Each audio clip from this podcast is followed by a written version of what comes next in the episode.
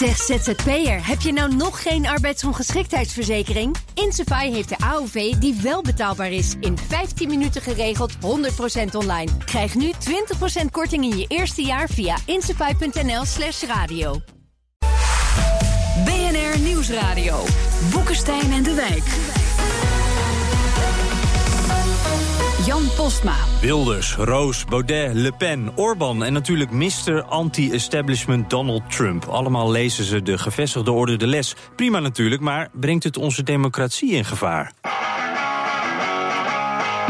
I think the people in this country have had enough of experts. Our press secretary gave alternative facts. U noemt het gebedshuis, ik noem het haatpaleizen. Een symbool van haat en geweld. The media is the enemy. They take the word fake out. Stel voor dat we met de Koran hetzelfde doen als dat we nu al met mijn kant Ja, aanvallen op de so-called rechters, aanvallen op de vrijheid van godsdienst, alternatieve feiten. Wordt in Europa de democratie aangevallen? Welkom bij Boekenstein en de Wijk op zoek naar de nieuwe wereldorde. Met in de studio onze eigen voorvechter voor de democratie, vrij en onverveerd Arend-Jan Boekenstein. En hoe dichter we bij 15 maart komen, hoe verder weg Rob de Wijk is. Is dat toeval? Deze keer zit hij in Spanje. Welkom Rob. Hallo. Ja, hallo. Hola. En te gast uh, Bastiaan Rijpkema, auteur van het boek Weerbare Democratie. Die bewaakt met ons uh, het fort vandaag. Welkom. Dank. En uh, nou ja, we gaan straks wat verder kijken naar Europa, wat breder. Maar eerst kijken we even naar Nederland. Um, bij anti-establishment partijen, populistische partijen... denken we toch allemaal meteen aan de PVV. Als we, als we de PVV nou langs die democratische meetlat leggen... Hè, schaal 1 op 10, wat voor cijfer geven jullie dan de PVV? Arend Jan. Ik moet als eerste deze onmogelijke vraag beantwoorden. Nou kijk, de PVV is voor vrije verkiezingen gelukkig... en wil ook dat als de, de winnende partij dan ook de macht krijgt. Dus dat is netjes. Nog maar geen op het, cijfer. Maar op het niveau van de rechtsstaat is het hopeloos. Koran verbieden, moskeeën verbieden, neprechters... onafhankelijke uit van rechtspraak aantasten. En dus dat wordt dan? Een nul. oh, op de schaal 1 op 10 een 0, dat is in ieder geval duidelijk, Rob. Wat voor cijfer Nee, geef jij de drie. PVV? Een 3. En drie, en drie want uh, ik geef ze wel het voordeel van de twijfel. Uh, natuurlijk heeft uh, Wilders getwitterd, pers en politiek kunnen de randboom krijgen, nep parlement, rechtelijke macht die niet deugt. Maar tot nu toe spelen ze het spel nog volgens de, de, democratische principes, dus een drie. Oké, okay, en dat, dat vindt Rob nog het voordeel van de twijfel. Bastiaan, wat, wat, met wat voor cijfer kom jij? Ja, uh, ik denk dat je er een democratisch rechtsstatelijke meetlat van moet maken. En uh, net als Jan eigenlijk ook zegt, uh, dat wordt dan helaas een dikke onvoldoende. Omdat je ziet dat ze -hmm. moskeeën willen sluiten, islamitische scholen willen sluiten. Waarmee dus sowieso de vrijheid van godsdienst feitelijk afgeschaft wordt. Maar ook de vrijheid van onderwijs, discriminatiebeginsel aangetast worden. Dus nou, een drie lijkt me een heel mooi cijfer. Drie. Nou, dat wordt afgerond iets onder een drie. Dus nou, dat is niet zo'n positief begin. Bastiaan, voordat we... Alle PVV-luisteraars zijn nu Die zijn nu afgehaakt, allemaal. en dat zijn er nogal wat. Nou, voordat we daar uh, dieper op ingaan, duiken we even in de theorie. Hè. Waar, ligt nou de grens? Wanneer ondermijnt een politieke partij precies de rechtsstaat? Daar heb jij onderzoek naar gedaan. Ja, ik maak in uh, Weerbare Democratie, in het uh, boek maak ik een onderscheid tussen twee Um, uh, twee problemen eigenlijk. Je zou kunnen zeggen, je hebt antidemocratische partijen en antirechtstatelijke partijen. Um, antirecht, antidemocratisch is een partij op het moment dat die probeert, uh, wat ik denk, de essentie van de democratie aan te tasten. Namelijk de mogelijkheid dat wij altijd op besluiten kunnen terugkomen. Dus volgens mij is democratie meer dan alleen maar meerderheidsbesluitvorming. Het is namelijk de mogelijkheid dat wij nu, maar ook in de toekomst, altijd besluiten kunnen nemen en die terug kunnen Kan je draaien. daar een voorbeeld dus, bij geven? Of? Dus nou ja, neem als voorbeeld, uh, heel simpel voorbeeld, we gaan een uh, monument slopen. Mm -hmm. Dan denk je dat is iets wat niet terug te draaien is. En dat is waar. De reële gevolgen daarvan zijn er niet terug te draaien, want dat monument komt nooit meer terug. Die stenen zijn weg. Maar we kunnen in de democratie, en dat is volgens mij uniek aan een democratie, altijd besluiten dat dat een slecht idee was. En dat we het terug willen. Ja, dat, we, terugkomen. dat we in ieder geval kunnen proberen het zo goed mogelijk te reproduceren, dat monument. Mm -hmm. Dus elk besluit is herroepelijk. En als een partij zich daartegen verzet, tegen dat principe, dan uh, ben je, wat mij betreft, een antidemocratische partij. En dat is dus iets anders dan antirechtstatelijk, waar het gaat om het beschermen van rechtsstatelijke waarden. Zoals bijvoorbeeld de vrijheid van godsdienst. Ja, en, en want uh, dat, dat, dat laatste punt, wat, wat zijn daar dan nog meer uh, belangrijke punten van? Ik kan me voorstellen, de persvrijheid. Of valt dat daar dan weer niet onder? Wat, Wat mij betreft is uh, antidemocratisch een partij die zich dus richt tegen dat zelfcorrectieprincipe. En dat kun je dus iets uitbreiden, want dat wordt gesteund door drie beginselen. Want als je wil ontdekken wanneer een partij antidemocratisch is, uh, dan zou het naïef zijn om te zeggen van nou ja, uh, we wachten tot het moment dat ze een wet maken waarin staat we gaan de democratie afschaffen. Mm -hmm. Of een wet waarin staat nu stoppen we met dat voortdurende zelfcorrectieprincipe. Dus je moet een fijnzinniger detectiemechanisme hebben. En daar zijn drie beginselen volgens mij cruciaal die dat zelfcorrectieprincipe mogelijk maken. Dat is ten eerste evaluatie, dat wil zeggen dat je om de zoveel tijd verkiezingen hebt. Politieke concurrentie, dat er andere partijen zijn waar je voor kunt kiezen. En vrije meningsuiting, dat alle alternatieven besproken kunnen worden. En als die drie beginselen gewaarborgd worden, okay. dan is het tot in de toekomst de, tot om, de theorie. om partijen ja. de PVV, om besluiten te herroepen. En de PVV tast dus deze principes niet aan. Hè? Wel de rechtsstatelijke, maar niet dus die democratische zelfcorrectie. Oké, okay, la, laten we even die PVV er weer bij pakken. Even praktisch. Hè? Uh, uh, Rob, in hoeverre, je hebt net al een voorzetje gegeven natuurlijk... maar in hoeverre ondermijnt de PVV dit allemaal? En zijn ze dan Europees gezien meer of minder uh, sterk bezig dan bijvoorbeeld Le Pen of, of alternatieven voor Duitsland. Hoe moeten we dit in perspectief zien? Nou, ik denk dat je ze wel allemaal over één kant kunt scheren. Natuurlijk zitten er wel een paar uh, variaties in, maar door de bank genomen zie je uh, dat dit soort uh, partijen toch wel hard aanschopt tegen de pijlers onder de rechtsstaat hoor. de pers, het politieke systeem, de elite, wat er ook allemaal mogen wezen, het, het parlement. ga zo maar door. Dus ik vind dat wel zeer bedenkelijk. En ik denk dat op een gegeven ogenblik dat antirechtsstatelijke en het antidemocratische ook gewoon in elkaar vloeit. En het moet allemaal maar bewezen worden of dit soort partijen uiteindelijk ook uh, democratisch blijven. Want het zou best kunnen zijn dat wanneer ze eenmaal de macht hebben, uh, dat ze dan ook volledig antidemocratisch worden. Dat heeft Bastiaan natuurlijk ook prachtig beschreven in zijn, boek, in zijn boek. Je kunt heel goed opkomen. Uh, door het democratische spel heel erg goed te spelen en je hou, te houden aan de spelregels. Maar op het moment dat je de macht hebt, kun je ook de macht volledig naar je toe uh, trekken. En dan hou ik toch wel mijn hart vast voor een aantal partijen. Uh, ik kijk bijvoorbeeld naar de PVV. Wilders is het enige lid van die partij. Het is een totale a-democratische partij. En uh, Arend Jan, maak jij je dan ook zorgen om de PVV? Is dat inderdaad een, een gevaar dan? Nou, kijk, als je, als je het PVV in internationaal perspectief bekijkt, en met name op dat punt van die rechtsstaat, hè, dus dan heb je het over de onafhankelijke rechtspraak, dan is het volgens mij zo, en I stand to be corrected als ik me vergis. Uh, het AFD wil niet moskeeën verbieden, wil geen Koran verbieden. En Marine Le Pen volgens mij ook niet. Dus eigenlijk is dus de PVV verdient dus de prijs van de minst rechtsstatelijke partij ja, van onze populistische is, is dat zo? Ja, nou, het is opvallend inderdaad. Als je binnen die hele rechtspopulistische partijfamilie eigenlijk in Europa kijkt, dan is de PVV, uh, denk ik, wel een van de meest radicale. Ja. Omdat ze zo ver gaan in hun anti-rechtsstatelijke standpunten. Want dat is belangrijk, wat Arend Jan ook al zei. Hè. Dus de PVV is nog geen antidemocratische partij. Daar schurken ze misschien wel tegenaan, maar ze zijn het nog niet. Want ze laten dat zelfcorrectieprincipe ongemoeid. Daar komen ze niet aan. Is het dan een Verkiezingen beetje... komen ze niet aan en ook politieke concurrentie. Maar dus wat... ze lossen het allemaal politiek op. Is dat dan wat je in dit nou geval... Ja, maar wat ze wel doen is uh, sta, uh, voorstellen die raken aan de rechtsstaat. Dus ze zijn 100% een anti-rechtsstatelijke partij. Daar is geen twijfel over. We hebben al een aantal genoemd. Hè. Het sluiten van moskeeën, het sluiten van islamitische scholen. Maar ook bijvoorbeeld denk aan de hoofddoekjesbelasting uh, die ze voorgesteld hebben. Maar iets wat ook weinig aandacht voor is geweest. Maar in de Tweede Kamer hebben ze voorgesteld om moslims op basis van hun geloofsovertuiging uit het leger te weren. Dus wordt een consequent onderscheid gemaakt op geloof. Dat is iets wat heel erg bij het rechtspopulisme past. Hè. Dat is antipluralisme. Eén geloof wordt buiten de samenleving geplaatst. En dat vertaalt zich in constitutionele termen in antirechtsstatelijke standpunt. Maar je zou ook kunnen zeggen, dat is een beetje de gedachtegang van uh, Wilders, die ik maar even vertolk. Uh, gevaar van de islam is zo groot dat verbieden eigenlijk uh, gerechtvaardigd is. Dus daarmee beschermt hij ook eigenlijk weer onze rechtsstaat en onze maatschappij, toch? Nou ja, uh, ik denk dat hij dus de verkeerde voorstellen doet voor iets wat je wel als probleem serieus mag nemen. Dus mm -hmm. de radicale islam, hè, expliciet de radicale islam. Dus de extremistische variant daarvan, die moet je serieus nemen als probleem. Dat moeten ook de andere partijen doen. Maar die moeten daar, in tegenstelling tot de PVV, alternatieven bieden die expliciet binnen de rechtsstatelijke kaders blijven. In tegenstelling mm -hmm. tot dus de voorstellen die de PVV doet, die daar ver buiten gaan. Ja, maar uh, Rob, daar zit ook een bepaalde subjectiviteit in, toch? Of zie ik dat verkeerd?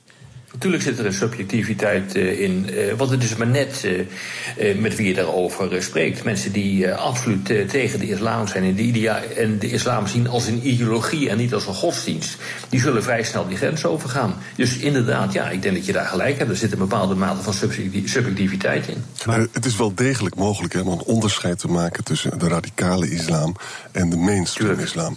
En als je dat niet doet, dan is dat heel kwalijk, want dan zit je dus een generaliseer je een hele groep en er zitten allemaal vreedzame mensen tussen die mhm. gewoon een baan willen hebben.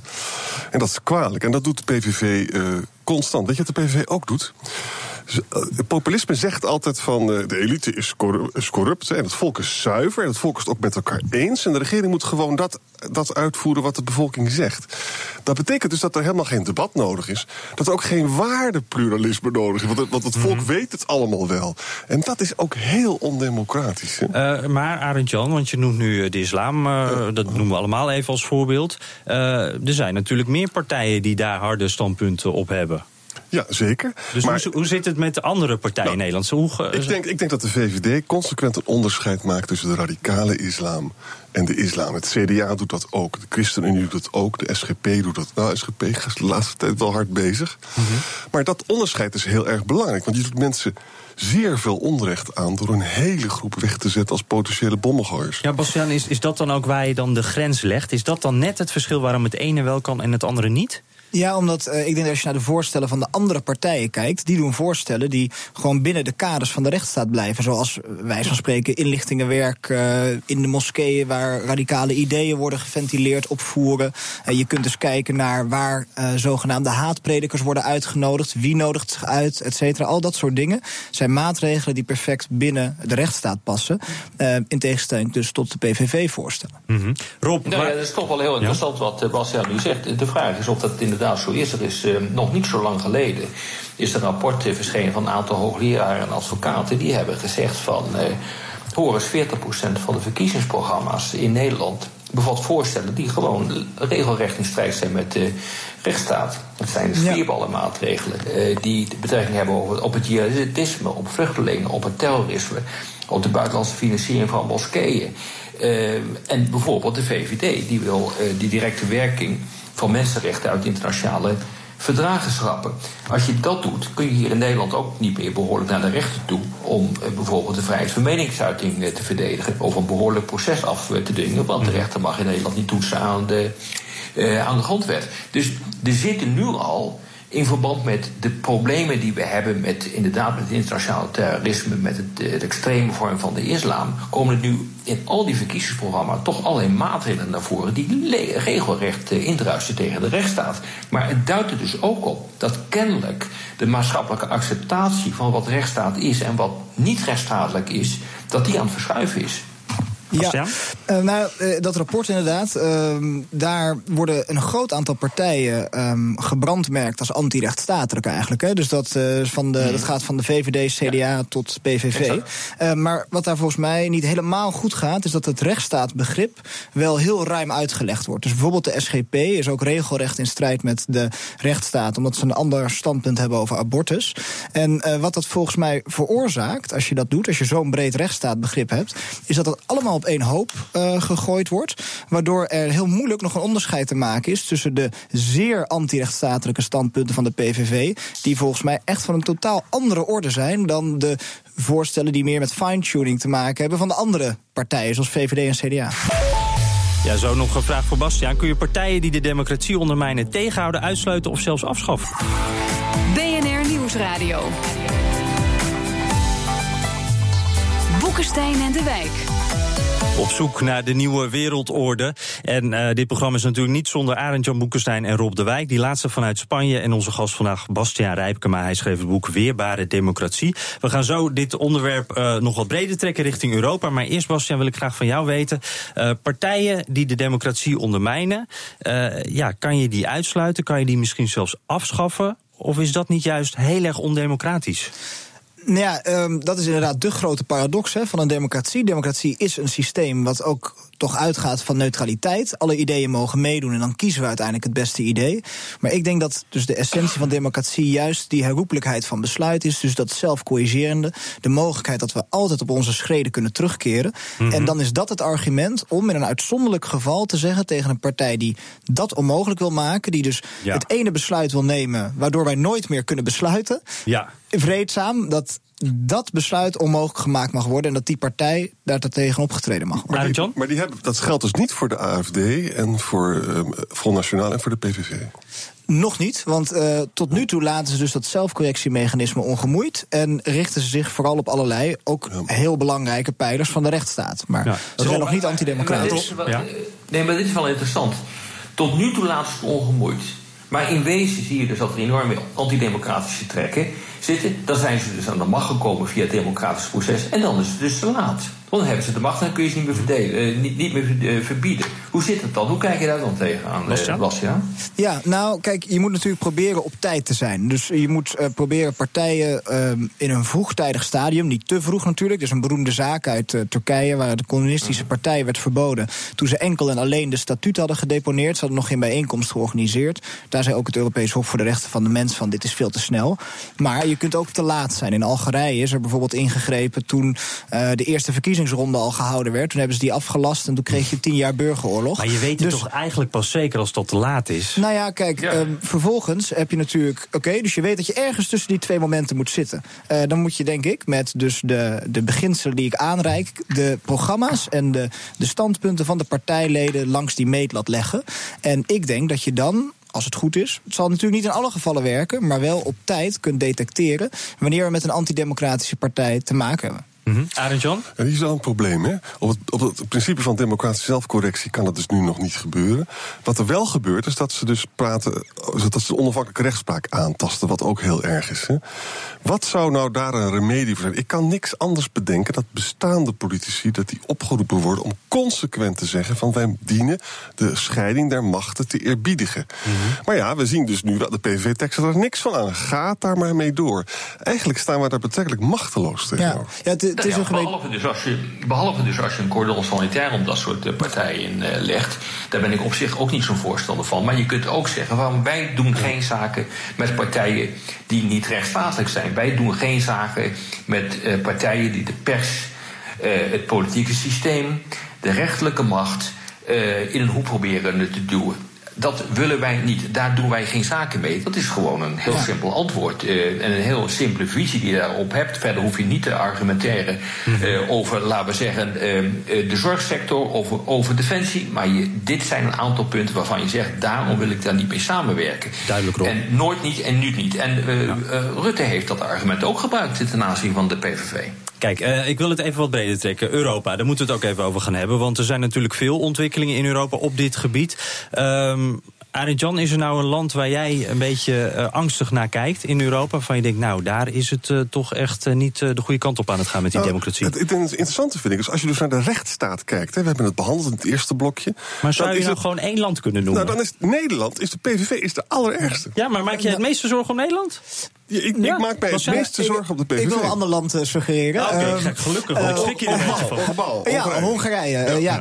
Omdat Hongarije nu net een casus is waar ehm, het dus eigenlijk al gelukt is hè, door een rechtsstatelijke partij om eh, aan de macht te komen. En Twee, tot twee keer toe. Dus nu de tweede keer heeft hij een tweederde meerderheid. eh, waarmee hij dus een soort grondwetgevende vergadering heeft. En dus ook heel de grondwet naar zijn hand kan zetten. Ehm, en je ziet dus dat eh Orbán, eh, die hoort tot die grote familie van rechtspopulistische partijen. En ook hij richt zich eh, op rechtsstatelijke waarborgen. Hij heeft vorig jaar, in eind 2016 dus, de laatste oppositiekrant, eh, een serieuze oppositiekrant gesloten. En hij heeft al veel eerder zijn belangrijkste criticus uit het constitutioneel hof weten te wippen. En wat er nou vaak gebeurt, is dat ze dat doen met schijnbaar neutrale wetten. Daar moet je dus heel scherp op zijn. Want wat, wat deden ze? Ze hebben de pensioenleeftijd verlaagd van 70, volgens mij naar 62 of iets anders. Waardoor dus op het moment dat die wet in werking trad, deze voorzitter van het Constitutioneel Hof zijn baan kwijt was. Eh, het Europese Hof voor de Rechten van de Mens heeft hem inmiddels in het gelijk gesteld dat, eh, dat dat niet had gekund. Maar toch, hij heeft weer zijn criticus uit het Hof eh, weten te wippen. Je ziet in Polen dat ze dat nadoen. Ja, dat ze proberen dat Constitutioneel Hof vleugellam te maken. Maar Bastiaan, in Amerika is het ook zo dat de ja. president natuurlijk leden van het constitutionele hof benoemt. Hè?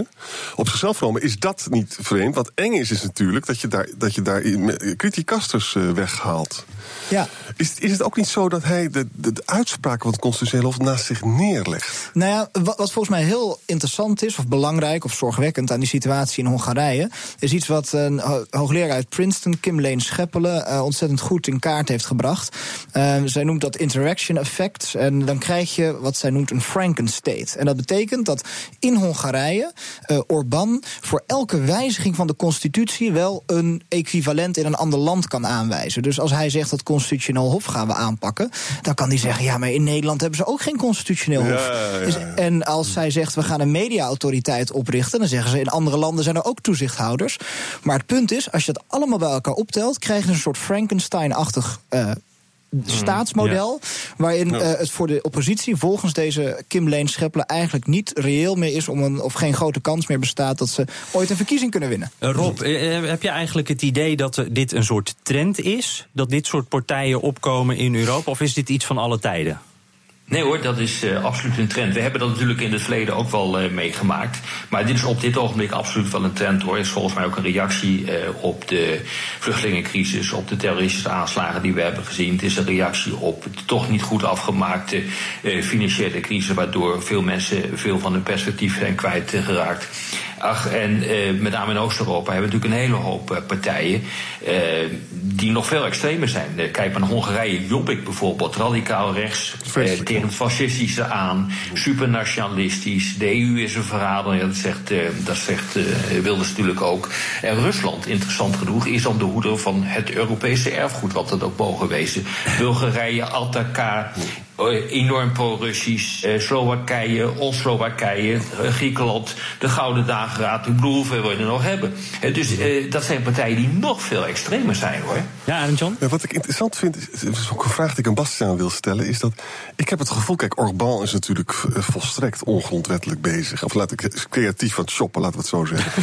PVV met die, met die aantas van onafhankelijke rechtspraak ook in Frankrijk, omdat er die laïcité die is. is de, wat, de, wat, de laïcité? Dat betekent dus een seculiere staat. Het is scheiding van kerk en staat. Hè? Dat snap ik wel, ja. En, en, ik denk dus dat Marine Le Pen niet zozeer met de Franse grondwet loopt te stoeien op dat punt. Omdat ze die, die laïcité gewoon maximaal toepast. Hè? En eerlijk gezegd, ook het AFD heeft ook allemaal merkwaardige standpunten. Maar die zoekt niet ruzie met de Duitse grondwet. Ook vanwege die verfassingsschutz natuurlijk. Dat moet je even uitleggen. Ja, nou, verfassingsschutz is dus die bescherming van de, van de grondwet voor antidemocratische partijen. Ze hebben het er gewoon in staan hè, in de grondwet. Mm -hmm. Dus dat is heel interessant. Dus dat grondwettelijke probleem, de rechtsstatelijke probleem speelt dus met name in uh, Hongarije, ook een beetje in Polen. Mm. Uh, en, maar niet zozeer nog in Frankrijk en Duitsland. Klopt dat? Ja, ik denk dat je, uh, voor zover je de partijprogramma's en de standpunten kunt overzien, uh, dat het opvallend is dat in Hongarije en Polen het ook al een beetje gelukt is om een aantal van die ja. antirechtsstatelijke dingen te realiseren. En dat Wilders een aantal van die standpunten overneemt. Als het gaat om de onafhankelijkheid van de rechterlijke macht. Ja. bijvoorbeeld dat interview dat hij gaf na het Wildersproces, waarin hij zei: we moeten eigenlijk, dat, was heel, dat lijkt heel erg op wat Orbán doet. Hè? Ja. Orbán die doet de hele tijd alsof het neutraal is. Hè? Dus of gewoon de pensioenleeftijd naar beneden. Um, dat doet eigenlijk Wilders ook, want hij zegt ja, we moeten bij rechters toe naar functioneringsgesprekken. Dan denk je, ja, god, uh, wat, wat, wie, hoe kun je daar tegen zijn? Ja, is het goed om even over je ja, functioneren ja. te praten. Maar verderop in datzelfde interview zegt hij ook van ja, uh, en dan gaan we vervolgens kijken of ze herbenoemd moeten worden. Maar dat is iets anders. Dat betekent dus dat je aan het solliciteren bent op je eigen functie. En dat raakt natuurlijk direct de onafhankelijkheid van de rechters. Ja, en concluderend, heer Arendjan, um, richt je eens even tot het volk. Uh, je was net al behoorlijk.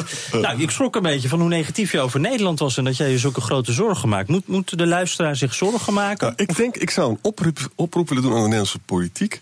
Dat de ongeschreven regels zijn minstens zo belangrijk als de geschreven regels. Een ongeschreven regel is dat je als Kamerlid onthoudt van kritiek op een rechter. Toch gebeurt dat steeds maar weer. En de PVV komt daar makkelijk mee weg. En je ziet ook een mm -hmm. beetje dat partijen in de buurt van de PVV dat overnemen. Moeten van die ongeschreven regels geschreven ja, regels Je geeft maken? als ja? Kamerlid geen kritiek op een rechter. Want we hebben een scheiding naar machten. Mm -hmm. als, je, als je het anders wil, dan moet je de wetten veranderen als Kamerlid. Moet je daar een initiatiefwet voor, dan moet je de meerderheid halen. Dan kan de de rechter dat interpreteren. Maar de, de, rechter moet gewoon de bestaande wetgeving en de bestaande verdragen toepassen. Gas op die lolly. Uh, Ola, Rob, uh, als jij echt Ja. gefrustreerd bent, en dat is natuurlijk nu, want ik onderbrak je even, Ja. sorry daarvoor. Maar als je echt gefrustreerd bent, dan geef jij plankgas hè, op de snelweg. Dat eh, gebeurt zo Nogal. een paar keer per week, heb ik begrepen. Ja. Waarom trapte jij ja. deze week even extra het gas in? Wat was jouw frustratie? Mijn frustratie was eh, toen ik eh, keek naar de debatten over eh, die, die in aanloop naar de komende verkiezingen, is dat politici ontzettend makkelijk eh, allerlei eisen op elkaar stapelen. Zorg, eh, de bijdrage moet worden teruggebracht naar nul. Dat kost 4,5 miljard euro. De pensioenen, eh, die moeten terug worden gebracht naar 65 jaar. Kost 12,5 eh, miljard euro als dat zo eh, doorgaat. Het zijn eigenlijk zijn het maatregelen die absoluut niet in sta, die absoluut niet kunnen, omdat we ze niet kunnen betalen. En dat betekent, en dat heeft alles te maken met het debat wat we net hebben gevoerd met z'n met z'n allen. dat die politici dingen zitten, de- ja, die zitten, zitten voor te stellen die niet kunnen, waardoor je een enorme teleurstelling krijgt onder eh, het publiek, onder de kiezer. En die zal zich dus verder gaan afhaken van eh, de, eh, de politieke leiders die we in het eh, land hebben. En dat is dus heel erg slecht. Dat dat Welke belofte heeft jou het meeste geïrriteerd? Nou, met name de hele discussie over het terugbrengen van de AOW-gerechte leeftijd naar, eh, naar 65. Jongens, dat is gewoon helemaal niet te betalen. Dat kan helemaal niet. Eh, je ziet dus nu dat sommige partijen stapelen gewoon ook alles bovenop elkaar. Eh, dat zien we bijvoorbeeld gebeuren met 50 plus. Nou, dat is totaal irreëel. Maar misschien gaat men er ook vanuit dat men helemaal niet mee gaat regeren. Ja, dan kan je makkelijk beloven. Ten slotte nog Ja, even kan kort je hoor. makkelijk beloven, Kan je een ja. beetje gas op de plank doen daar in Spanje? Ja, zeker. En de, de bekeuringen zijn erg laag. Dus hier lukt dat allemaal wel. Oké, dat is dan wel weer mooi. Eh, dit was in ieder geval Boekenstein Ja. in de Wijk. Eh, dank Bastiaan Rijpkema, leuk dat je er was. En eh, voor u thuis luister de podcast. Dat kan via iTunes en ook via Spotify. Volgende week zijn we er gewoon weer. Dank voor het luisteren. Zeg ZZP'er, heb je nou nog geen arbeidsongeschiktheidsverzekering? Insafai heeft de AOV die wel betaalbaar is. In 15 minuten geregeld, 100% online. Krijg nu 20% korting in je eerste jaar via insafai.nl slash radio.